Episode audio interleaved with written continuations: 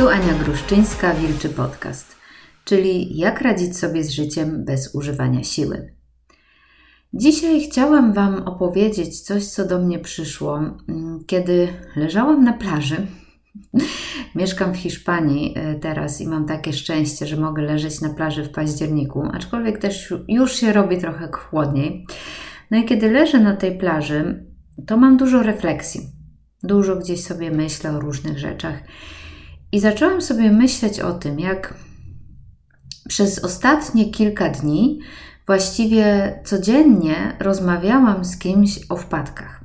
No bo jak wiecie, a może i nie wiecie, zajmuję się ludźmi, którzy cierpią na zaburzenia odżywiania, e, mają jakieś zachowania obsesyjno-kompulsywne, e, mają różne fobie. E, dużo, dużo mam takich właśnie podopiecznych na moim mentoringu i coachingu. I czyli jakby ludzie próbujący zmienić jakieś swoje nawyki, swoje nawyki takie behawioralne, czy swoje nawyki mentalne, nie? No bo takie zachowania obsesyjno-kompulsywne, no to też są nawyki, tak? To są gdzieś nawyki jakieś mentalne, e, czy jakieś e, schematy myślenia. No i kiedy rozmawiamy, tak naprawdę bardzo szybko większości moim podopiecznym udaje się to zobaczyć. Udaje się zobaczyć tą prawdę w myślach, udaje się im nabrać dystansu do tego, co się dzieje w ich głowie, a kiedy człowiek nabierze dystansu do tego, co się dzieje w jego głowie, to, co się dzieje w jego głowie, przestaje być takim problemem. Nie? Rozumiemy, że nie musimy robić to, co sobie tam umyślimy, nie musimy robić to, co nam właśnie do tej głowy wpadło. No ale o tym mówię wielokrotnie. Ale Często jest tak, praktycznie zawsze jest tak, że jednak te nawykowe myśli powracają i czasami idą za nimi czyny. Powraca myśl na przykład obiec się, no i robimy to, co ta myśl mówi. No i wtedy zaczynamy się martwić. I to jest po prostu schemat, no, klasyczny. Tak? Masz wpadkę, zaczynasz się martwić, zaczynasz myśleć, o rany, o co chodzi, a może z tego nie wyszłam nigdy, o jejku, nigdy z tego nie wyjdę, a co jak będę miała kolejną wpadkę, no ale co, mam te wpadki tak po prostu olać i, i je traktować jakby nic się nie stało, no przecież coś się stało. I często właśnie spotykam się z taką narracją i wszystkim powtarzam to samo powrót do nawykowych myśli, powrót do nawykowych zachowań nie jest problemem, jest normalny. To tak jakby ci się, nie wiem, odbiło czkawką coś. I nawet pójście za tym jest normalne. Problemem jest to, jeżeli ty zrobisz z tego problem. No i zawsze to powtarzam, zawsze, zawsze.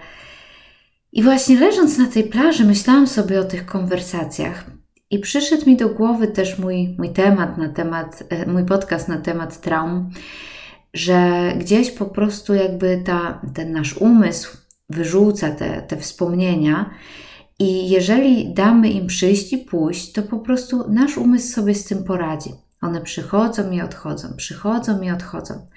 I sobie myślę, tak samo jest z naszymi nawykowymi zachowaniami. Przychodzą i odchodzą, przychodzą i odchodzą, aż w końcu odejdą. I wtedy wpadła mi do głowy porażająca myśl. Co jeżeli właśnie tak ma być? Co jeżeli to nie jest pomyłka? Bo my traktujemy te, te nawykowe myśli, tak, czy te, te wspomnienia traumatyczne, jako właśnie jakąś pomyłkę jako dowód na fakt, że nasz umysł jest naszym wrogiem i chce nam zrobić krzywdę. Jako coś, czego się trzeba pozbyć, co trzeba w najlepszym wypadku zignorować, tak, albo no z bólem serca zaakceptować. O jajku, znowu mam te, znowu mam te myśli, żeby się obieść. O matko, wolałabym ich nie mieć, no ale dobra, mam je. Tak, czy znowu mi się przypomniało to, to niefajne wydarzenie okej, okay, nie? W najlepszym wypadku, w najgorszym wypadku wpadamy w panikę oczywiście, no ale jeżeli słuchasz tego podcastu, czy oglądasz mnie na e, YouTubie, albo czytasz mojego bloga, to wiesz, że no, w panikę nie należy wpadać, nie? Co, że to jest bardzo normalne. Ale właśnie, można pójść o poziom wyżej, że to nie tyle jest normalne, ale że jest to potrzebne, że tak ma być, że właśnie w ten sposób nas, nasz umysł się leczy, nasz umysł się oczyszcza. Tak jakby mówił: Hej, czy to Cię jeszcze dotyczy? Sprawdzam. I uczył się poprzez naszą nową reakcję właśnie tego, że, że to już nie jest ważne, że już nie mamy na to takiej panicznej reakcji jak e, w przeszłości. Nie? Co jeżeli jest to ekwiwalent rany, która oczyszcza się e, z brudu, tak? jeżeli się gdzieś zranimy Mój mąż właśnie teraz stanął e, na, na kamień, tak, który był w, w morzu, w wodzie i, i rozciął sobie troszeczkę stopę. No i troszeczkę mu się to zainfekowało, tak, i mu się tam ropa sączy i w ogóle. E, nic groźnego. E, no, musieliśmy kupić maj z antybiotykiem, ale no, myślę, że się z tego wyliże, tak. Ale właśnie, mówimy, że ta ropa to jest o jejku, no ropa, o matko, o puchlizna, ale to jest tak naprawdę przecież mm, to, jak nasze ciało, e, sposób naszego ciała e, na leczenie się z tego. Nie? Ta ropa jest potrzebna, ona ma jakąś funkcję. Nigdy nie powiemy, o Jezu, jeżeli się zastanowimy, nie powiemy, nie, wolałabym nie mieć tej ropy, tak? Po co ta ropa tam jest? No, ona ma swoją funkcję. Więc może tak samo te powroty do nawykowych myśli, a nawet nawykowych zachowań są jak ta ropa, są potrzebne. Są gdzieś wyrazem miło miłości naszego umysłu do nas. Nie, bo tak ostatecznie nic, co jest w naszym ciele czy w naszej psychice, nie jest przeciwko nam. Nie jest przeciwko nam. Jakby mogło być? tak? To tak jakby powiedzieć, że nie wiem, e, igły drzewa, tak? Jakiegoś drzewa iglastego są przeciwko temu drzewu.